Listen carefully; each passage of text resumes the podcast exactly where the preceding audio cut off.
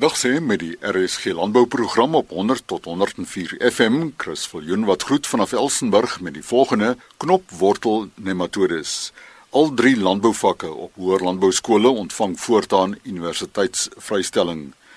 Kruisteling en koei doeltreffendheid en 'n navorsingsklemverskywing in agriwetenskappe aan die Universiteit van Stellenbosch. Dr. Martha Pofu, navorser plantnematologie op LNR Rodeplaat, gesels ten aanvang oor knopwortel nematodes. Globally, the root knot nematodes, especially Melodidyne species, are considered the number one yield robber in crop production. Damage caused by the root knot nematodes went unnoticed for many years. Until recently, most farmers knew little about them or they choose to ignore them since they are invisible to their naked eye. For example, most vegetable growers in South Africa see the damage that is done by nematodes. However, related to other pests and diseases or to a number of environmental conditions. It had been found that one in five home gardens are highly infested by the root knot nematode. They tend to wilt excessively during heat of the day and recover at night when it's cool.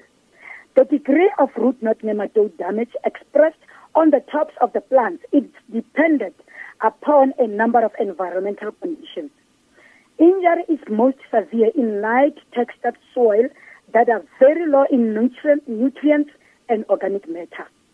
Plants grown in good loamy fertile soils often can withstand low to moderate nematode populations without showing obvious above ground symptoms unless the population density is too high. Periods of drought and very hot weather enhance the damage, as does planting the crop later than normal in the field. The grower, however, can reduce the amount of damage from this pest by improving the growing conditions for the plant. How are these nematodes spread? Only males and second stage larvae of root knot nematodes are able to move through the soil. The females are immobile. This movement, however, is limited to several inches a year and is unimportant as compared with other ways in which the nematodes can be disseminated. Natural means of spread include water, wind, and wildlife.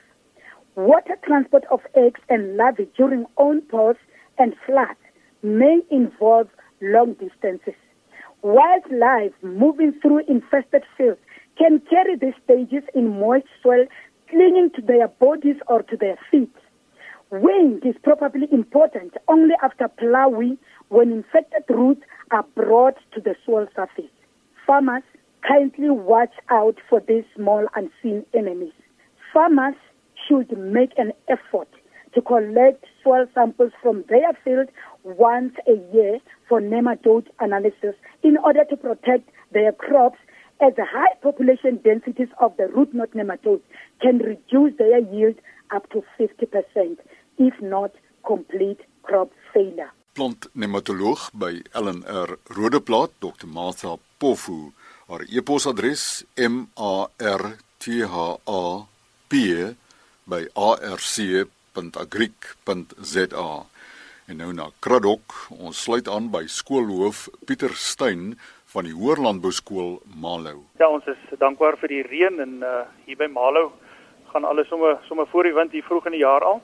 Wat aktueel is op hierdie stadium wat landbou skole aanbetref, vroeg in die jaar, in vroeg Februarie het ons die jaarlikse Salof Kongres, nou dis die Suid-Afrikaanse Landbou Onderwysvereniging se kongres in Klerksdorp gehad en uh, daar is enkele verwikkelinge waaroor ons redelik opgewonde is en die die eerste daarvan is die feit dat landbouvakke so kyk daar's drie landbouvakke uh landboubestuurspraktyk, landboutegnologie en landbouwetenskap.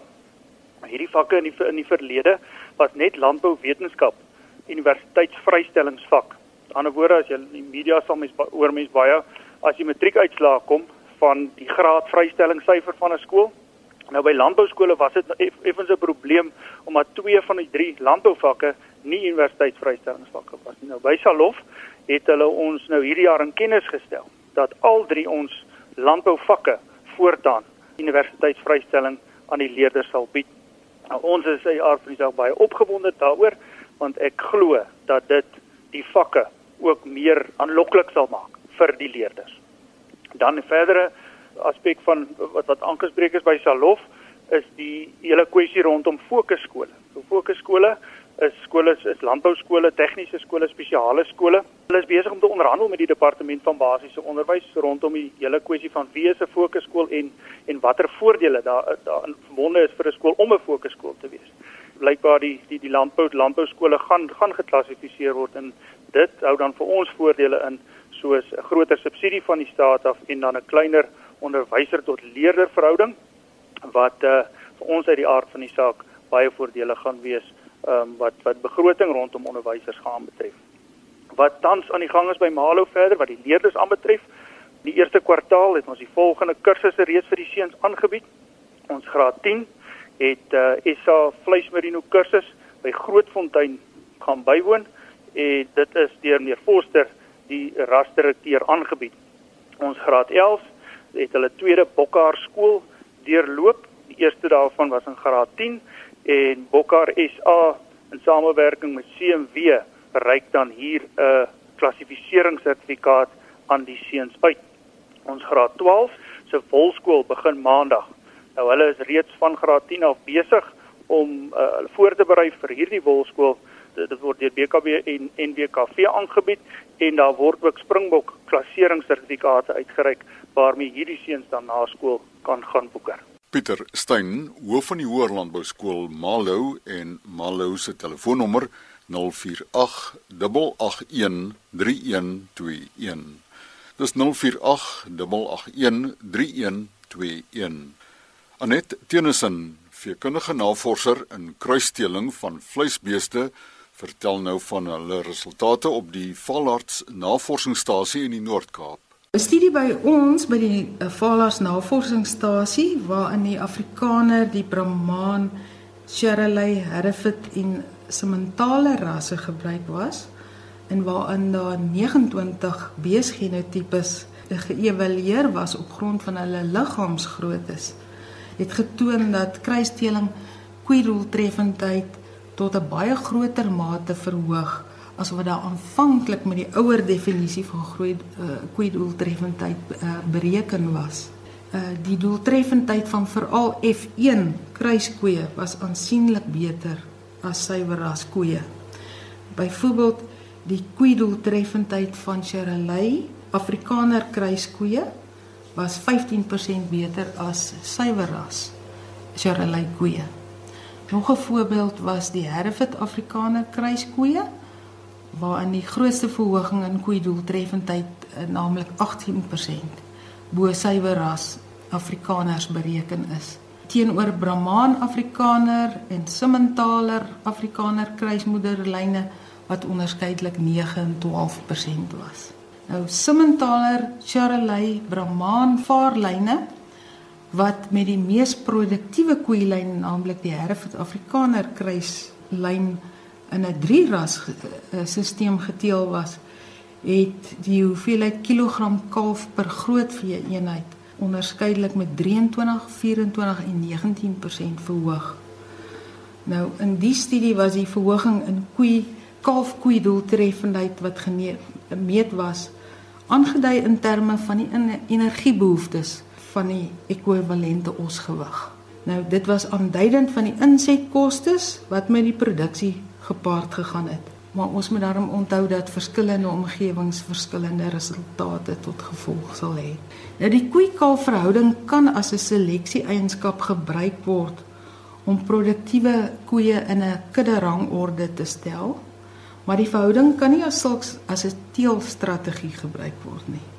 Omdat die vrugbaarheid van die koeie in die stelsel nie hier in berekening gebring word nie. Vrugbaarheid wat onder andere as die aantal kalwers gespeen tot 'n koeie gepaar gemeet word, moet beslis ook as 'n bykomende faktor in jou teeltstrategie bereken word. Nou in ons genoemde studie op valers was die gemiddelde speentempo van kruisgeteelde koeie 8% beter as al die suiwer koeie. Nou koeidoeltreffendheid in 'n teelstrategie word dan bereken as jou speentempo wat jy vermenigvuldig met die kilogram kalf per groot vee eenheid. Veekundige navorser in kruisteling van vleisbeeste op die Valarts Navorsingsstasie Anet Tennyson. Haar e-pos a tennyson@ncpg www.gov.za @ncpg.gov.za En nou verneem ons van die dekaan van die fakulteit Agriwetenskappe aan die Universiteit van Stellenbosch, professor Dani Brink. Ek was in naweek in St William en ek is hard aan die oefen vir die Bergrivier vol vertroue hulle raai later per jaar wel water sal wees vir die Bergrivier kanoe marathon. Ek het op die dam moes oefen met 14% water. Terselfdertyd was dit vir my mooi toe ek deur die vallei ry en sien hoe die boere se optimisme en ook realisme, jy weet wat die toekoms inhou, nog steeds sigbaar is jy weet die tegnologie ehm uh, wat aan die ontwikkel is, jy weet in die vallei, mens kan regtig sien wat die sitrus sektor aanbetref. Die ouens kyk vorentoe en beplan deeglik en ons hoop die klimaatsfaktore, jy weet, gaan die ouens 'n geleentheid gee om daarop te kapitaliseer. Ook die diversifisering wat in die vallei plaasvind tot 'n mindere mate is 'n teken van goeie landboubeplanning. Chris, dan wil ek ook net iets vinnig sê rondom ons eerste jaar registrasie tans staan ons op 'n voorgraadse registrasiedata van ongeveer 450 studente. So dit betref enige vorige registrasie, jy weet getalle wat ons nog gehad het in landbou en mense moet dit weer sien teen die verhoogde toelatingsvereistes. Dit gee vir ons tog 'n bietjie van 'n vroeë tendens dat ons jong mense, ons skoolverlaters meer pertinent kyk na landbounavorsing as as 'n loopbaan uh, met ander woorde vroeg reeds 'n keuse maak op eerstejaarsvlak om by ons fakulteit in te skryf. Chris, waaroor ek eintlik wil gesels is uh, ek sê dit gereeld hoe die universiteit um, die eksterne omgewing baie mooi dophou internasionaal sowel as plaaslik en om voortdurend daarbey moet aanpas. Tot nou toe het Stellenbosch Universiteit wat navorsing aanbetref op uitnemendheid gefokus en ons het opgeskuif tot onder die top 300 universiteite in die wêreld. Ons landboufakulteit tot onder die top 50 in die wêreld en die eerste in Afrika. Maar dit was baie sterk in die hand van akademiese kriteria. En die universiteit het nou besluit om sy navorsingstema te verander van uitnemendheid van navorsing na navorsing met impak. Dit gee vir ons 'n groot uitdaging om ook ons navorsingsfokus te skuif om toenemende impak in ons industrie te hê en veel verder as die industrie ook impak op die bestuur van ons natuurlike hulpbronne, maar hier het ons die bedrywe se raad en se hulp en se deelname nodig. As ons wil impak hê in ons industrie, moet daar verhoogde strategiese kommunikasie wees. Dit gaan nie nou hier oor die plasing van meer navorsingsfondse nie. Dit moet eerder 'n uitvloeisel daarvan wees, maar ons wil regtig die industrie en hulle georganiseerde forums uitnooi om om saam met die fakulteit agriwetenskappe in hierdie nuwe era te betree waar ons sê ons primêre doelwit van navorsing gaan wees verhoogde impak en dat die industrie vir ons help om die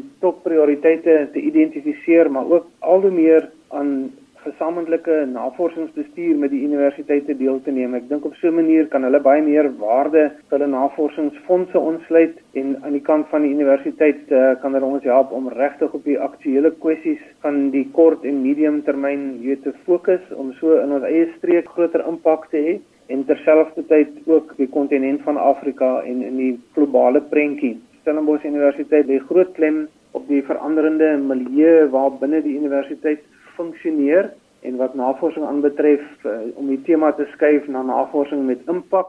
Professor Dani Brink is dekaan van die fakulteit Agriwetenskappe aan die Universiteit van Stellenbosch en industrie en georganiseerde forums is baie welkom om met professor Brink oor hierdie klemverskywing te gesels. Sy e-pos db@san.ac.za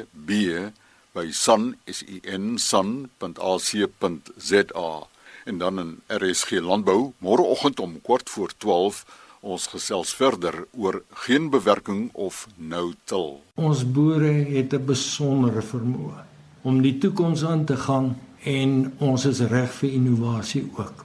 En ek was een van die ouens wat gesê het stadig net aanvanklik, stadig. Ek besef vandag dat 'n mens moet baie keer innoveer en hierdie is dalk een van die goeie maniere om dit te doen. Groete van Chris Viljoen.